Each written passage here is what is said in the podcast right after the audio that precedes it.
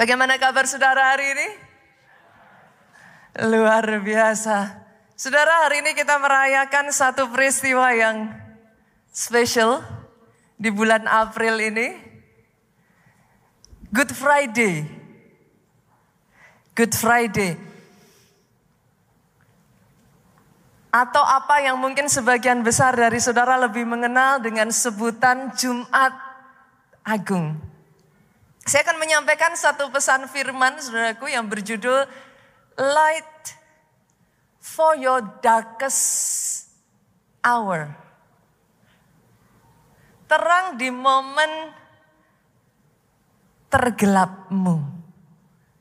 Setiap kita saya rasa tanpa terkecuali ya Bapak Ibu ya. Kita pernah mengalami masa terberat, masa tergelap dalam kehidupan kita. Tidak terkecuali Yesus.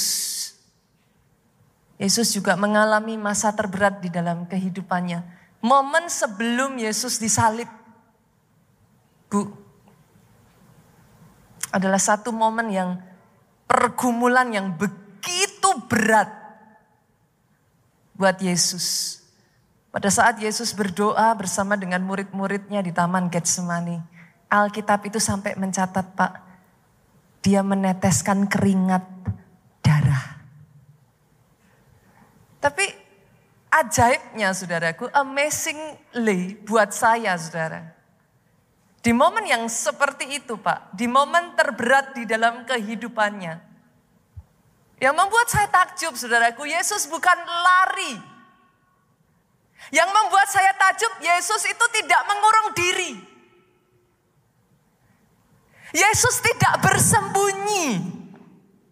Does he know? Yes. Dia tahu. Di momen terberat dalam kehidupannya itu saudaraku yang membuat saya takjub. He eats. Dia makan bersama dengan murid-muridnya. It amazed me. He eats. Dia makan saudaraku. Berapa banyak dari saudara yang ketika saudara menghadapi masa-masa yang terberat dalam kehidupan saudara, you run away. You try to hide. Saudara berusaha bersembunyi. Bahkan bu, maaf kata, kehilangan nafsu makan. Tapi tidak dengan Yesus. Dia makan bersama dengan murid-muridnya. Sesuatu yang saya percaya berapa banyak dari saudara membaca kisah ini. Yang sudah pernah membaca kisah ini katakan amin. Peristiwa yang tidak akan pernah saudara lupakan. Yang banyak di antara kita menyebutnya dengan sebutan the last supper. Perjamuan makan terakhir. Tapi ada yang banyak tidak menyadari. There is a secret behind it. Ada rahasia di baliknya. Pastor, what is it with eating? Kan gitu saudara. Pada saat saudara makan, there is an intake. Ada asupan masuk, Bu. Berapa banyak saudara dari saudara yang setuju dengan saya di momen terberat dari hidup saudara in the darkest hour of your life. You need strength the most to carry on. Itu adalah momen yang justru kau butuhkan segala kekuatan yang bisa kau dapatkan untuk engkau terus maju. Dan Yesus menyadari itu. Uniknya saudaraku, Yesus itu tidak mengadakan perjamuan makan itu untuk dirinya sendiri. Kita buka ya, kita buka ya, ayatnya kita lihat ya. Yuk kita buka. Yesus tidak mengadakan perjamuan itu untuk dirinya sendiri. Lukas pasalnya yang ke-22. Kita lihat ayatnya yang ke-14 sampai ayatnya yang ke-15. Yang sudah ketemu boleh katakan amin. Yang sudah ketemu dari Alkitabnya sendiri aminnya yang paling keras. Oh, kita lihat yuk, kita buka ya saudaraku. Boleh nggak hanya dua ayat Bapak Ibu baca sama-sama dengan saya? Boleh ya? Boleh ya? Dua, tiga. Ketika tiba saatnya, Yesus duduk makan bersama-sama dengan rasul, rasulnya dengan suara keras ayat yang ke-15. Katanya kepada mereka, apa saudaraku?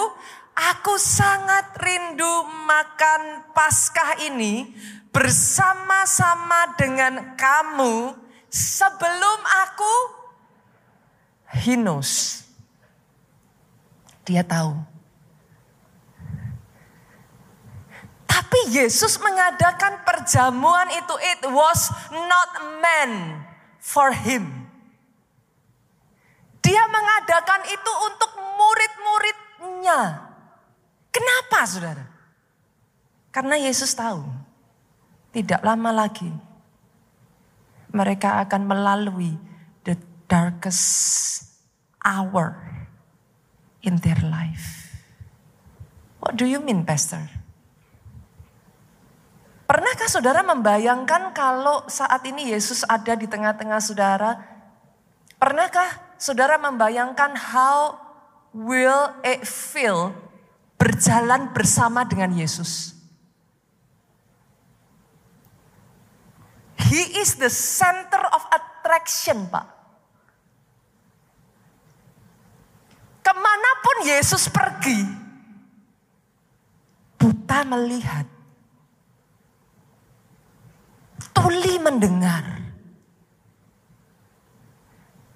orang mati dibangkitkan. Pernahkah saudara berpikir, how will it feel to walk with the man Jesus? Yesus sebagai manusia, saudara. Boleh nggak saya tanya kepada Bapak Ibu? Setiap kita ini saudaraku punya momen yang kita tidak akan pernah bisa lupakan ya. Setiap dari saudara saya percaya saudara punya like kayak memorable moment gitu. Momen yang selalu akan saudara ingat seumur hidup. Momen yang kalau saudara ingat-ingat itu kayak gimana ya saudara? Rasanya itu it brings sweet memories gitu. Buat saya saudara, momen itu adalah pertama kali saya bertobat. Momen di mana Tuhan jamah hidup saya. I will never forget it. Momen di mana pada saat itu saya mengalami KKR 10 hari saudara. Every single day. Nanti sebentar lagi ya Bapak Ibu kita akan masuk di bulan Mei saudaraku. 10 hari kita berendam dalam hadirat Tuhan. Pastikan saudara nggak miss momen itu saudaraku.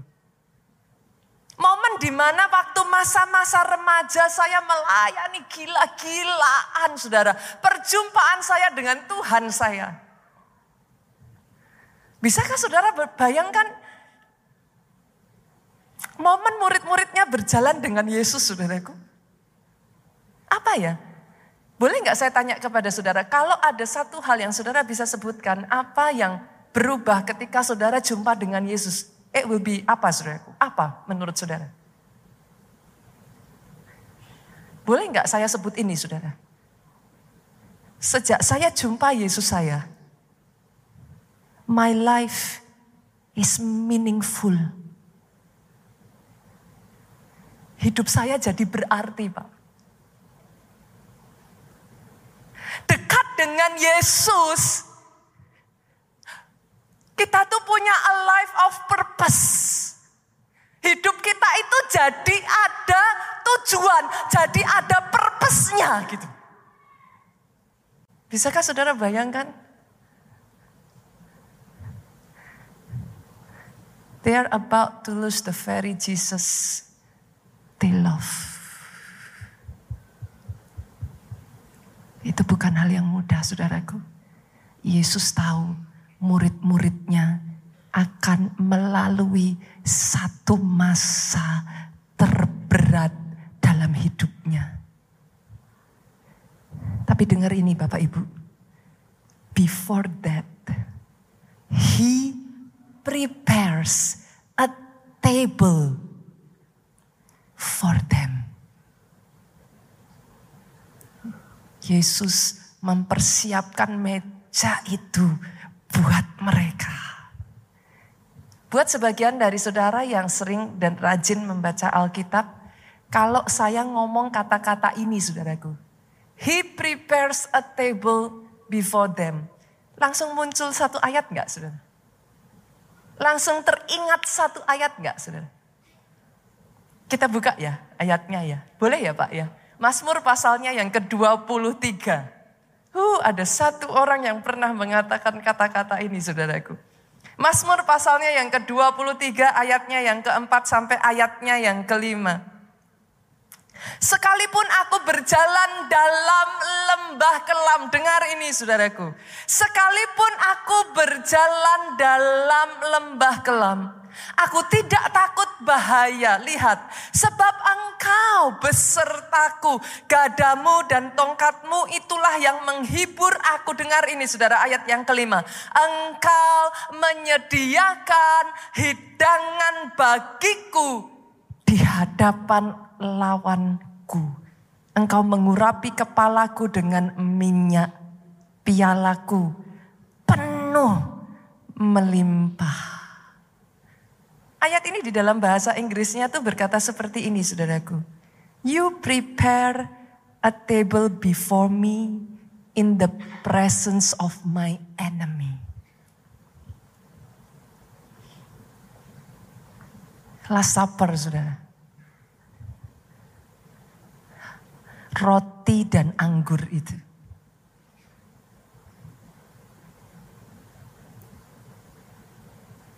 Amazingly, the Last Supper, it helps them to endure. Membawa murid-muridnya bertahan di momen tergelap dalam hidupnya. What do you mean, Pastor? Saya akan masuk poin penting saya di sini, saudara. Izinkan saya mengatakan ini. Ada kuasa di dalam perjamuan kudus. Saya ulang ya, saudaraku. Ada kuasa di dalam tubuh dan darah Yesus.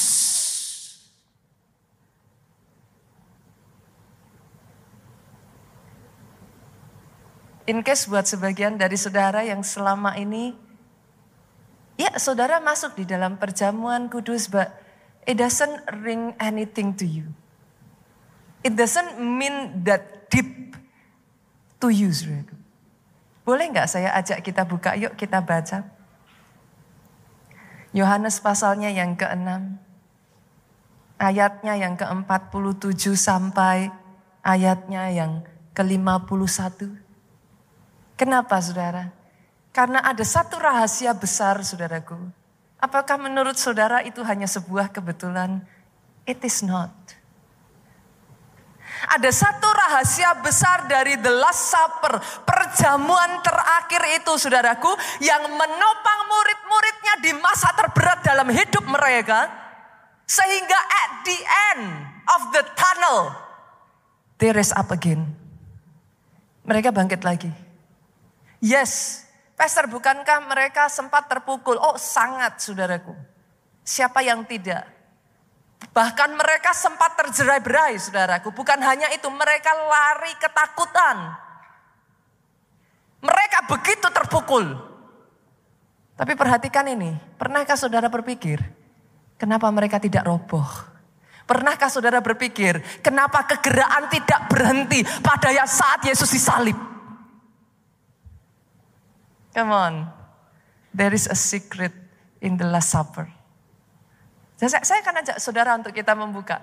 Kita lihat ya saudara, kita baca dari ayatnya yang ke-47. Saya akan berhenti sampai di ayatnya yang ke-51 dulu saudara. Boleh nggak kita baca bergantian? Saya bacakan ayatnya yang ke-47, saudara baca 48, bergantian sampai ayatnya yang ke-51 kita baca bersama-sama. Aku berkata kepadamu sesungguhnya, perhatikan ini baik-baik saudaraku. Barang siapa percaya, ia mempunyai hidup yang kekal. Ayat 48, 23. Akulah roti hidup. Nenek moyangmu telah makan mana di padang gurun dan mereka telah mati. 50 dengan suara keras. Inilah roti yang turun dari surga. Barang siapa makan daripadanya, ia tidak akan mati. Ayat 51 dengan suara keras bersama kita baca saudaraku. Akulah roti hidup yang telah turun dari surga. Jika seseorang makan dari roti ini, ia akan hidup selama-lamanya. Dan roti yang kuberikan itu ialah dagingku yang akan kuberikan untuk hidup dunia. Perhatikan ayat ini, sudah. This is a controversial verses. Ini ayat yang gak gampang, saudara. Ayat 48 tuh ngomong gini, Yesus tuh ngomong gini, Akulah roti hidup. Kenapa disebut roti hidup? Ayat 51 ngomong, Barang siapa makan daripadanya, barang siapa makan roti itu, dia akan hidup. Perhatikan ini baik-baik saudaraku. Saya berdoa ya saudara, sejak saudara mendengar firman ini ya saudara, pemahaman saudara tentang perjamuan kudus berubah. You cannot take it lightly. Saudara nggak hanya sekedar melakukan perjamuan kudus.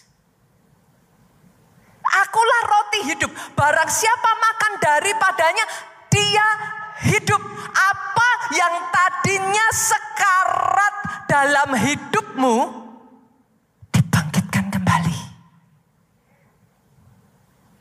Pada saat saudara makan roti itu, saudaraku. Pada saat saudara menerima perjamuan kudus itu, ketika itu masuk dalam hidupmu, it will bring life. Dia akan membawa kehidupan. Yang mengerti aminnya boleh yang paling keras. Aminnya boleh yang paling keras. Aminnya lebih keras lagi. Kalau mau tepuk tangan, tepuk tangan yang paling meriah buat Yesus Tuhan kita. Pastor apa yang pastor maksudkan? Apa yang mati dalam hidupmu saudaraku? Karena dia itu roti hidup. Pada saat saudara terima itu, itu masuk di dalam hidupmu. It will bring life. Mimpimu yang sudah pernah mati, dihidupkan kembali. Bahkan literally ya saudara, pada saat firman ini disampaikan, saya berdoa ya, you can tap into it. Organ-organmu yang sudah pernah mati, dihidupkan kembali sel-sel di dalam tubuhmu yang mati dihidupkan kembali. Keuangan saudara. Oh yes. Yang sempat mati dibangkitkan kembali. Cita-cita saudara yang sempat kandas dihidup hidupkan kembali. Saya berdoa ini yang jadi, jadi, jadi atas hidup pribadi lepas pribadi di tempat ini. Sementara saudara menerima perjamuan kudus. Yes, yang saudara terima itu adalah roti dan anggur. Tapi dengar baik-baik, perjamuan kudus bukan hanya sekedar makan roti dan minum anggur. Come on, saudaraku. Perjamuan kudus adalah satu cara di mana engkau masuk di dalam persekutuan dengan tubuh Kristus, saudara. Bersentuhan dengan tubuh Kristus, saudaraku. Saya berdoa ya saudara bisa tangkap rema ini. Kenapa saudaraku? Karena setly saudara, kalau saudara lanjutkan pembacaan dari Yohanes 6 ayat 47 sampai 58 itu. Banyak murid-muridnya tidak bisa menerima pengajaran itu dan akhirnya banyak di antara mereka yang mundur. Saudara. Doa saya ya saudara. Perjamuan kudus. Kalau boleh saya ngomong ya saudara. Buat saya pribadi, perjamuan kudus itu adalah satu momen terdekat saudara itu ngalami sentuhan Yesus secara roh. Ngalami sentuhan Yesus secara roh. Sentuhannya secara roh. Tapi dimanifestasikan secara fisik, saudara. Saya ulang ya, saudara. Perjamuan kudus itu hal terdekat. Saudara itu bersentuhan dengan Yesus secara roh. Ngalami sentuhan Yesus secara roh. Tapi dimanifestasikan fisik. Saudara bisa pegang roti dan anggurnya itu, saudara. Tapi dengar ini baik-baik. Yang saudara pegang, yang saudara makan itu roti, yang saudara minum itu anggur, fisik. Tapi pada saat saudara melakukan itu, saudara tap in, saudara bersentuhan dengan Yesus. Jangan pernah lupakan ini, saudara. Apa yang terjadi saat seseorang bersentuhan sama Yesus? Kadang kita orang Kristen tidak tahu kedahsyatannya itu loh saudara. Saudara hanya minum anggur, saudara hanya makan roti and that's it. But you forget. Apa yang terjadi pada saat seseorang itu bersentuhan dengan Yesus. Masih ingat peristiwa wanita pendarahan 12 tahun pak. Dia bersentuhan dengan ujung jumlah Yesus. Heal instantly. Jangan pernah lupa itu saudaraku. Jangan pernah lupa itu. Kenapa saya katakan perjamuan kudus itu hal terdekat. Saudara itu bersentuhan dengan Yesus. Tapi dimanifestasikan secara fisik. Masih ingatkah saudaraku lima roti dan dua ikan pada saat bersentuhan dengan tangan Yesus apa yang terjadi? Dia memberi makan lebih dari lima ribu orang laki-laki belum termasuk perempuan, belum termasuk anak-anaknya. Eh jangan pernah lupa ini loh saudara. Kadang kita hidup di satu dunia yang membuat kita itu lupa saudara. Kadang ketakutanmu lebih real daripada Yesusmu yang mengerti aminnya yang paling keras. Hari ini saya berdoa ya, Yesus itu menjadi nyata di depanmu. Oh kalau mau tepuk tangan, tepuk tangan yang paling meriah saudara itu. Karena pada saat seorang buta itu bersentuhan dengan jari Yesus saudara. Matanya terbuka. He is healed. Saya nggak tahu hari ini saudara datang dengan masalah apa dalam kehidupanmu. Satu bulan ini ya saudaraku, bukan satu kebetulan. Gereja kita berbicara tentang soul healing. Doa saya ya saudara, ini jadi bulan kesembuhan atas kehidupanmu. Apa yang pernah hancur, apa yang pernah sakit, apa yang pernah rusak, dalam kehidupanmu ketika engkau bersentuhan dengan Yesus dibangkitkan, disembuhkan, dipulihkan kembali. Sentuhan Yesus itu membawa kehidupan. Kalau saudara menyadari ini pada saat engkau terima roti dan anggur ini ya saudara. Itu sebabnya selalu dikatakan apa saudara? Perbuatlah ini. Setiap kali kamu mengingat akan aku, lakukan ini untuk kamu ingat apa yang sudah aku pernah kerjakan. Kenapa saudara? Karena banyak orang Kristen yang diingat adalah ketakutannya, keputusasaannya, betapa kecilnya. Pastor, apakah salah kalau saya khawatir? Khawatirnya nggak salah kok saudara. Kenapa khawatir nggak salah pastor lu? Khawatir itu signal, saudara. Signal apa, pastor? Sederhana. Signal bahwa saudara sadar, saudara masih manusia. Dan manusia terbatas. Makanya khawatir. Kan gitu, saudara. Berarti khawatir nggak salah, pastor. Khawatir itu hanya signal. Sama seperti kayak buat, kalau saudara tanya dokter, sakit kepala, itu signal. Itu adalah simptom, saudaraku. Entah perut saudara yang nggak enak, entah ada pressure, entah oksigen itu nggak masuk ke otak saudara secara cukup. Itu signal, itu simptom. Yang salah bukan khawatirnya. Yang salah adalah pada saat saudara khawatir, saudara tenggelam dalam kekhawatiran saudara instead of lari, nyari Tuhan. Yang mengerti katakan amin. Kalau saudara menyadari itu, kenapa di dalam perjamuan kudus selalu diingatkan ini? Ingatlah akan aku. Kenapa saudaraku? Karena Yesus Yesus tuh pengen ngomong sama saudara, aku ini roti hidup.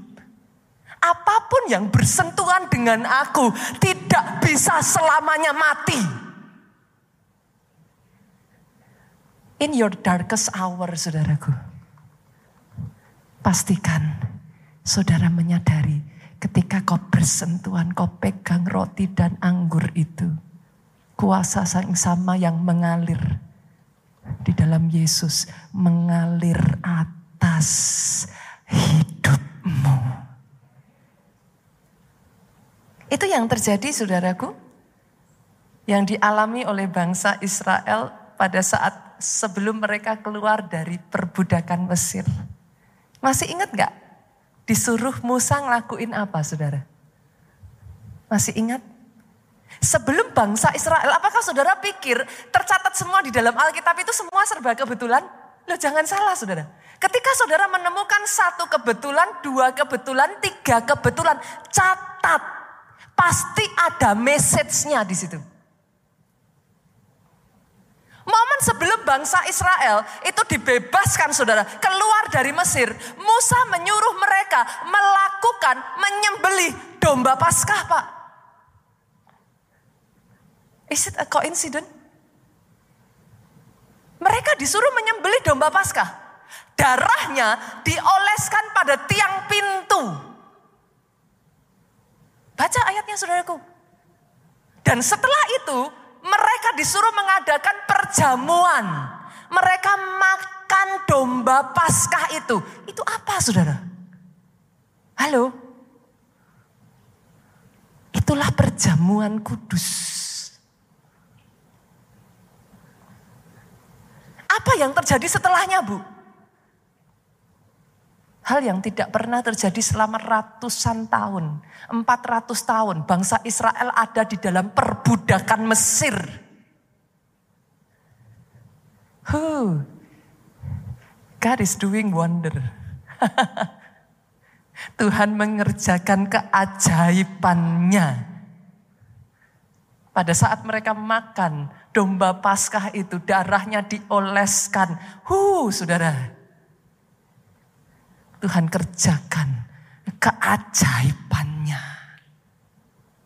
Jangan sepelekan makanan loh saudaraku. Boleh saya katakan itu? Jangan sepelekan makanan. Kenapa? Loh, karena makanan Adam dan Hawa kehilangan segalanya loh saudara. Masih ingat nggak? Loh, karena makan loh. Coba senggol kiri kanan, jangan sepelekan makanan. Karena makan Adam dan Hawa kehilangan semuanya saudaraku. Dia jatuh di dalam dosa. Tapi bolehkah hari ini saya juga katakan Pak, Ketika kau bersekutu, masuk di dalam persekutuan, engkau makan tubuh, engkau minum darah Kristus. Saya berkata saudaraku, sama seperti makan bisa menyebabkan Adam dan Hawa itu kehilangan segalanya. Kalau kau makan roti hidup, kalau kau makan roti hidup, kehidupan itu mengalir dari pribadi, lepas pribadi, lepas pribadi, lepas pribadi. Makan yang sama bisa membuat Adam dan Hawa kehilangan segalanya. Tapi bolehkah saya katakan ketika kau makan tubuh Kristus, kutuk itu dipatahkan. Oh yes, dosamu dihapuskan, dibersihkan kembali. Yang satu kehilangan, yang satu kau memperoleh kehidupan. Dari apa saudara? Makan. Simple ya, simple ya Bapak Ibu. Hari ini ya saudaraku, pastor, apa sih yang pastor mau sampaikan? Jangan pernah lagi memegang roti perjamuan kudus dan saudara berkata ini, Pastor ini kan cuma sekoping roti kecil. Apalagi saudara memegang perjamuan kudus and you play with it. You take it lightly, jangan pernah lakukan ini. Jemaat keluarga Allah, saya berdoa ya sejak dari hari ini pemahamanmu tentang perjamuan kudus berubah. Kenapa? That is the The closest saudaraku. Itu hal terdekat yang saya tahu saudaraku.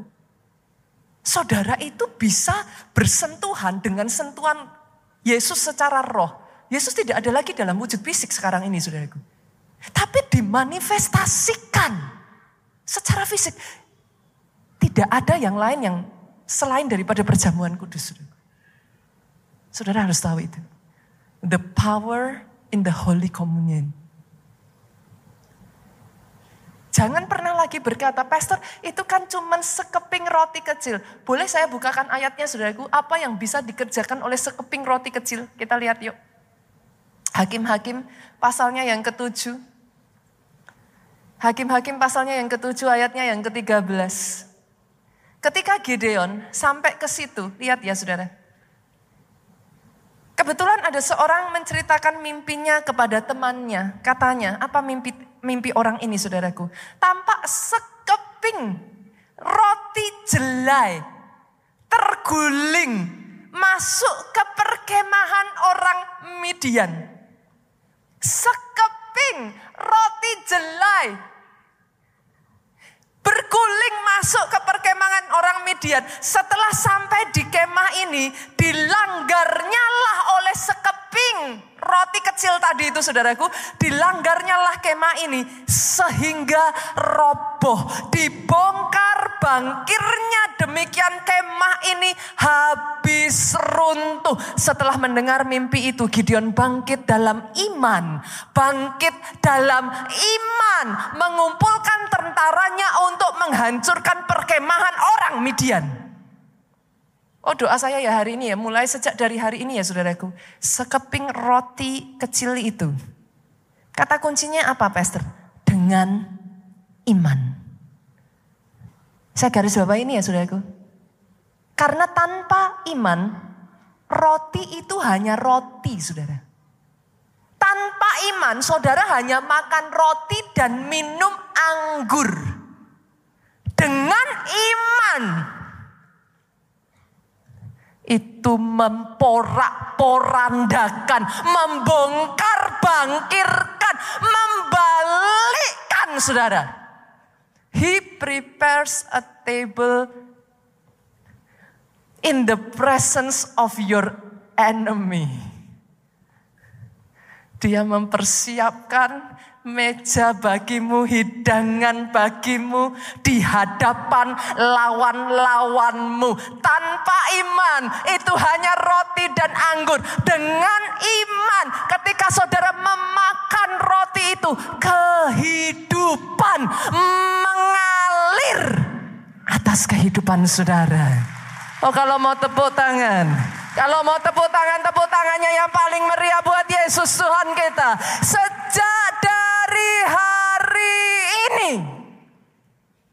Tidak boleh hanya makan sekeping roti, minum anggur begitu saja. Tapi selalu ingat dengan iman. Ketika kau lakukan itu, apa yang rusak dari hidupmu diperbaiki. Sel tubuh yang sakit disembuhkan kembali dengan iman Gideon bangkit. Oh, dengan iman. Ketika dia terima itu, kekuatan mengalir. Boleh nggak saudara, kalau hari ini kita nanti akan terima tubuh dan darah Kristus. Yuk kita praktekkan. Jangan melihat itu lightly. Tidak pernah lagi sejak dari hari ini. Tidak pernah lagi. Jangankan sepotong roti kecil bu. Lihat, dengan iman. Coba kita perhatikan. Jangankan sepotong roti kecil. Kita buka ayatnya yuk. Kita lihat. Markus pasalnya yang ketujuh. Ayatnya yang ke-26 sampai ke-28. Ini kisah wanita Sirofenesia saudaraku. Perempuan itu seorang Yunani bangsa Sirofenesia. Ia memohon kepada Yesus untuk mengusir setan itu dari anaknya. Anaknya kerasukan setan, dia datang sama Yesus. Yesus tolong anakku. Apa jawab Yesus saudara? Yesus berkata kepadanya, biarlah anak-anak kenyang dulu. Sebab tidak patut mengambil roti yang disediakan bagi anak-anak dan melemparkannya kepada anjing. Ini kata-kata Yesus ini dalam loh saudaraku. Bukankah dia sang penguji hati, saudara? Kalau saudara berhadapan dengan Tuhan ya saudara. Dia itu sang penguji hati, saudara. Akan ada banyak orang yang mendengar kata-kata ini dan mundur, saudara. Berapa banyak dari saudara kalau mendengar kata-kata ini saudara akan berkata, ya sudah, enggak gereja-gerejaan. Oh tapi wanita ini ngeri loh saudara iman wanita ini. Dia mendengar perkataan itu dari Yesus. Ya, apa yang dia katakan? Perempuan itu menjawab, benar Tuhan. Tetapi anjing yang di bawah meja juga makan remah-remah yang dijatuhkan anak-anak. Such faith. Sadari ini loh saudaraku. Tidak ada satu orang pun bisa berkenan kepada Allah kalau tidak punya iman. Mungkin terdengar, kalau saya ngomong ini tuh mungkin terdengar kayak apa ya, sadis ya. Saya sering mengatakan ini bukan tangisanmu loh saudara. Yes, tangisanmu tuh ditampung di kirbatnya Tuhan. Tapi ingat ini, yang menyentuh hatinya Yesus itu iman. Masalahnya ada begitu banyak orang Kristen. Pastor, lihat dulu baru percaya. Yesus ngomong sama wanita Sirofenisia ini. Kamu tuh enggak layak. Roti itu buat anak. Anjing enggak boleh ngambil. Itu kasar sekali loh saudara. Itu keras sekali loh saudara. Tapi wanita itu enggak mundur saudara. Dia ngomong, nggak perlu roti. Remah-remahnya pun itu menyembuhkan anakku. Doa saya ada orang-orang di tempat ini ya saudaraku itu sebabnya Yesus berkata saudara berbahagialah orang yang tidak melihat namun percaya. Saya berdoa itu engkau, engkau, engkau, engkau tidak melihat tapi percaya. Karena memang dari dulu cara kerja iman tuh begitu. Iman itu bukan saudara lihat dulu. Gak pernah ada ceritanya begitu. Percaya dulu maka melihat. Hari ini ya saudara. Rema pembukaan ini, I'm talking about the last supper. Saya berbicara tentang perjamuan kudus. Kuasa di dalam perjamuan kudus. Doa saya ya sejak dari hari ini ya saudaraku. Roti itu bukan lagi roti biasa. Anggur itu bukan hanya sekedar minuman biasa. Kenapa saudara? Karena berbicara kuasa darah Yesus ya saudara. Jangan main-main. Yesaya 53 ayatnya yang ketiga sampai lima. Saya tuh melihat kadang ya saudara bahkan di masa pandemi kemarin ya. Hah, kalau nggak hati-hati ya saudaraku. Yes kita harus waspada, yes kita harus berhikmat ya. Tapi itu semua tidak pernah boleh mengalahkan iman kita kepada Yesus kita loh saudara. Yang mengerti katakan amin. Yesaya 53 ayatnya yang ketiga sampai kelima ya saudara. Saya bacakan buat saudara. Ia dihina dan dihindari orang. Seorang yang penuh kesengsaraan. Dan yang biasa menderita kesakitan. Ia sangat dihina sehingga orang menutup mukanya terhadap dia dan bagi kita pun ia tidak masuk hitungan. Ayat 4 dengarkan ini saudara. Tetapi sesungguhnya catat ini baik-baik. Penyakit kitalah yang ditanggungnya.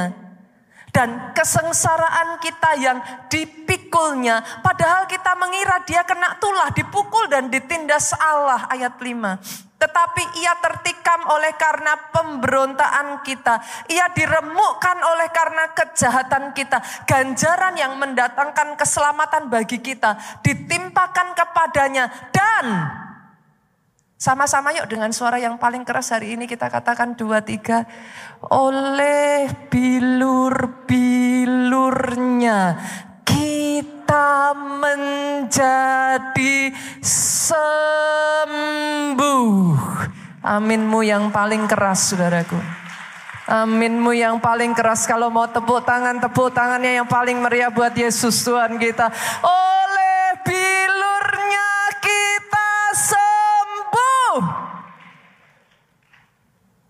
Beberapa minggu yang lalu Pastor Jonathan mengajarkan sesuatu yang sangat mengena di hati saya. Berapa banyak orang bertanya kepada saya, Pastor, terus kalau kenyataannya saya nggak sembuh terus gimana? Pak Jonathan mengajarkan belajar punya iman pokok E, saudara. Maaf saya dari Solo, saudaraku. Bahasa Jawanya masih keluar. Belajar punya iman pokok E. Ini orang Jakarta jadi belajar bahasa Jawa ya. Apa itu iman pokok eh saudara?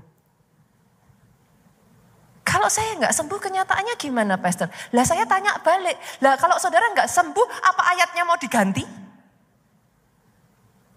Yang mengerti katakan amin. Yang mengerti katakan amin. Loh jujur ya saudara, saya tanya ya, kenapa itu menjadi begitu susah buat kita?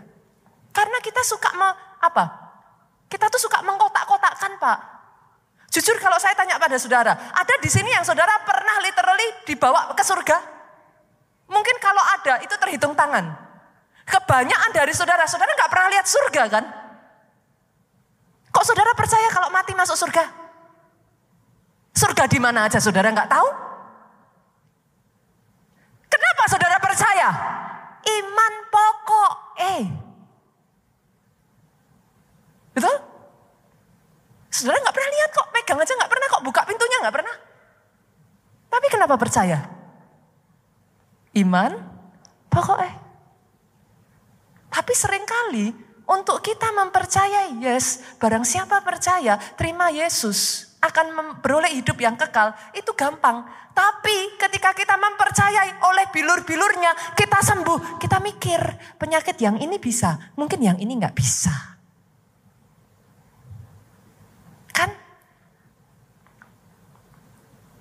Doa saya hari ini saudara bisa menangkap ini saudara. Oleh bilur-bilurnya engkau sembuh. Titik.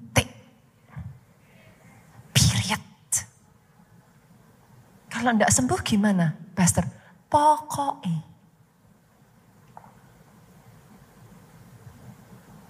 Kenapa pastor? Lebih baik kita mati dan tetap memegang iman kita daripada kita sembuh tapi kehilangan iman kita. Mungkin saya membawa ini agak ekstrim ya saudara. Tapi kadangkala ya hari-hari ini kita itu tidak memegang kebenaran firman as is. Kita melupakan itu. Ayat ini ya saudara, kalau saudara lihat. Di ayatnya yang keempat tadi. Di sini dikatakan, tetapi sesungguhnya penyakit kita lah yang ditanggungnya. Satu, penyakit kita lah yang ditanggungnya itu berbicara tentang penyakit tubuh saudara. Tapi ada yang kedua, kesengsaraan kita yang dipikulnya. Ini berbicara apa? Kesengsaraan ini berbicara apa saudaraku? Masalah di jiwa. Minggu lalu kita masukkan saudaraku soul healing ya. Nanti sepanjang satu bulan ini. Kesembuhan yang saya lihat ini sudah oleh bilur-bilurnya aku sembuh. Itu bukan hanya berbicara tentang sakit penyakit fisik saudara loh. Yang mengerti katakan amin. Tapi dia menanggung kesengsaraan kita. Artinya apa? Engkau yang saat ini ya saudaraku jiwamu bermasalah. Engkau yang tertekan. Engkau yang saat ini bahkan engkau ada di dalam keadaan depresi saudaraku. Saya tahu saudara kalau saya masuk lebih dalam tentang ayat ini akan pro kontra. Tapi saya berdoa ya saudara. Ada di antara saudara yang bisa melihat. Dia bukan hanya menanggung penyakit fisik tapi penyakit jiwa oleh bilurnya kamu sembuh.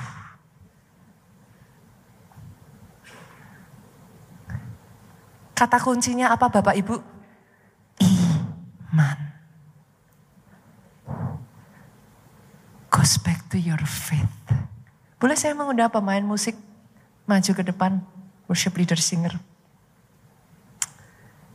Oh, saya benar-benar berdoa ya saudara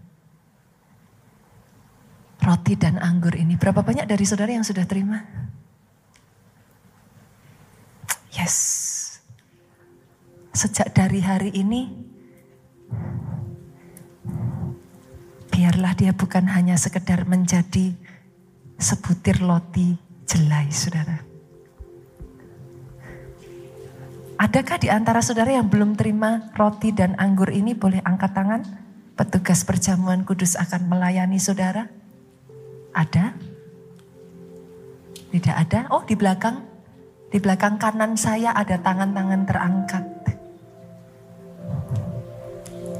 Saudara buka saudaraku karena itu dijadikan satu. Bersyukur ya saudara, kita ngalami pandemi, muncul inovasi apa namanya inovasi baru saudaraku. Kalau dulu roti dan anggur dipisahkan sekarang sejak pandemi dijadikan satu. Saudara buka terlebih dulu cawannya saudara.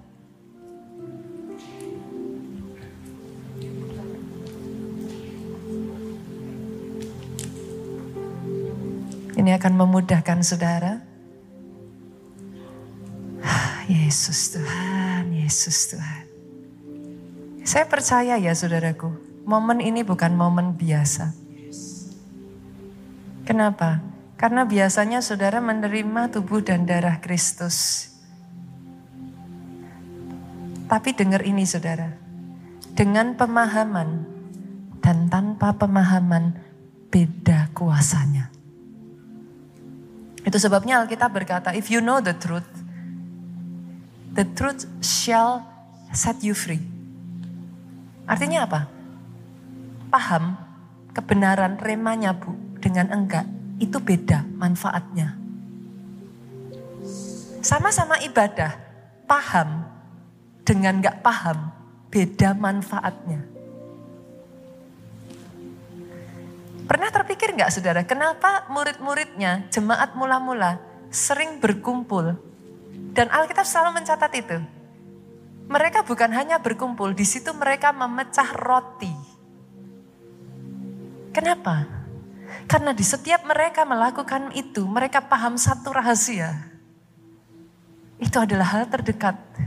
Mereka bersentuhan kembali dengan Yesus mereka, saudaraku. Kalau tadinya Yesus berjalan bersama dengan mereka, every day is miracle. Kebayang gak saudara jadi murid Yesus? Every single day is miracle. Ketika Yesus berjalan ya saudaraku, dia pergi ke mana pun selalu mujizat terjadi. Tapi sejak Yesus terangkat naik, dia menitipkan satu hal ini.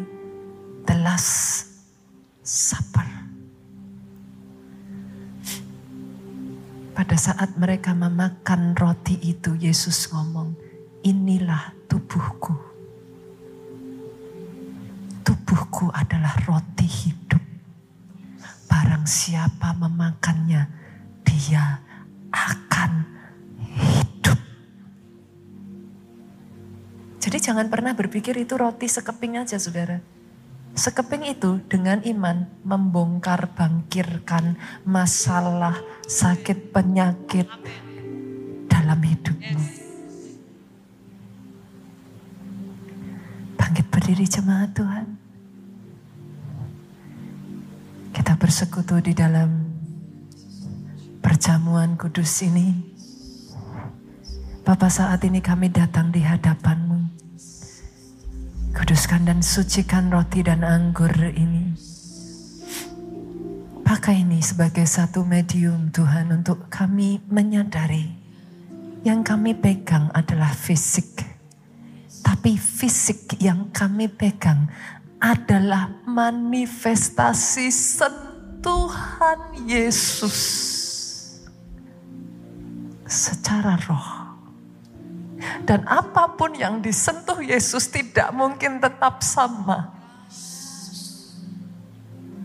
Dia menyentuh wanita yang pendarahan dan saat itu juga dia mengalami kesembuhan. Dia menyentuh roti itu dan dimultiplikasikan.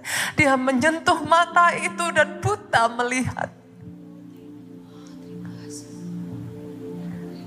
Oh yes, hari ini kami mengangkat roti ini tinggi-tinggi di atas kepala kami Tuhan malam. Waktu ia diserahkan, ia mengambil roti, saudaraku. Sesudah itu ia mengucap syukur ke atasnya. Ia mengucap syukur. Ucapkan syukur saudaraku. Terima kasih Tuhan. Atas apa yang sudah kau kerjakan di dalam kehidupanku. Terima kasih aku ada sebagaimana aku ada hari ini. Terima kasih kau masih memberikan kepadaku nafas hidup. Terima kasih untuk keluarga yang aku miliki. Terima kasih aku diberi kesempatan beribadah. Ia mengucap syukur atasnya. Ia memecah-mecahkannya dan berkata, inilah tubuhku. Ingat perkataan ini saudaraku, inilah tubuhku yang diserahkan bagi kamu perbuatlah ini menjadi peringatan akan aku. Lakukan ini supaya engkau selalu ingat apa yang dia kerjakan. Apa yang dia sanggup lakukan. Dengan iman saudaraku. Makan di dalam nama Yesus. Yesus Tuhan. Satu demi satu karyamu kau kerjakan Tuhan. Engkau melihat ada iman di tempat ini. Engkau melihat ada iman di tempat ini. Percaya bukan karena melihat. Ya.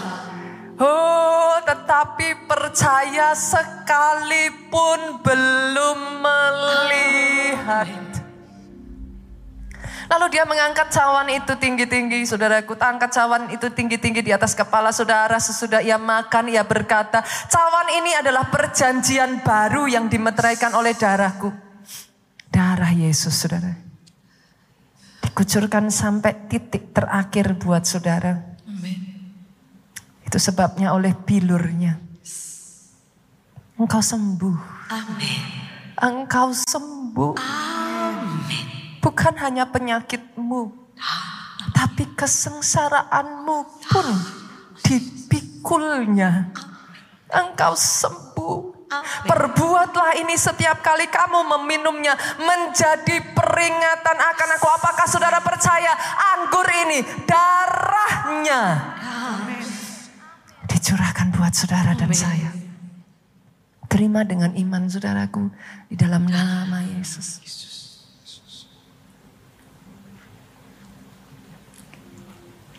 Engkau yang bisa berbahasa roh.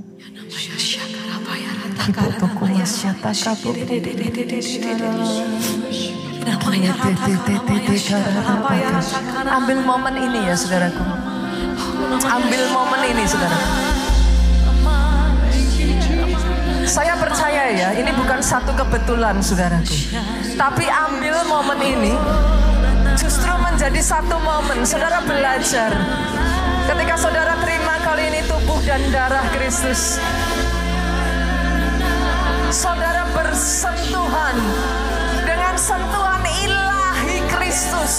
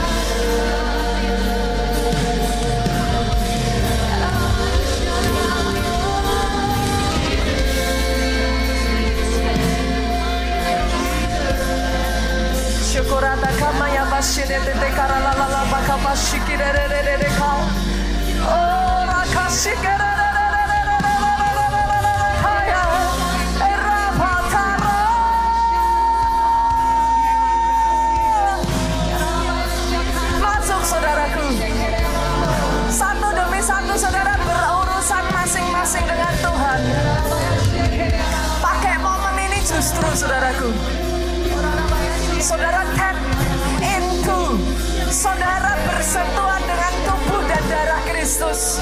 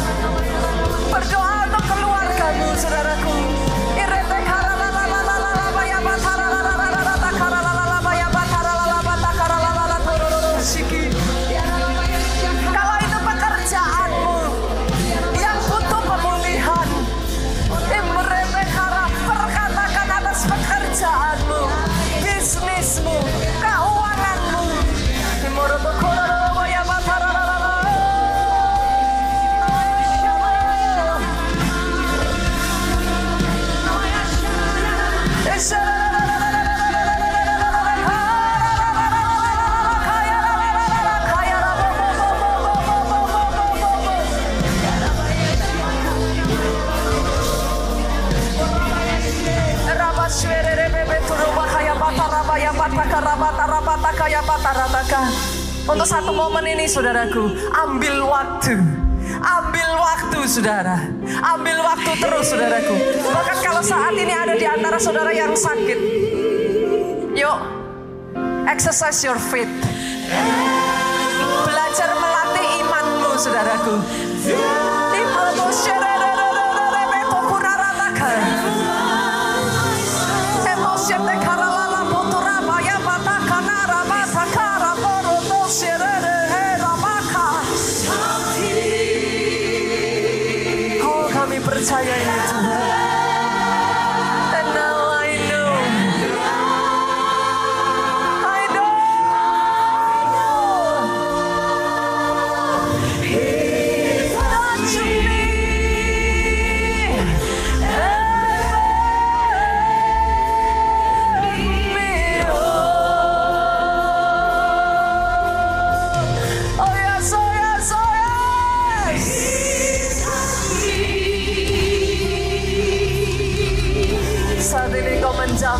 Satu demi satu Tuhan.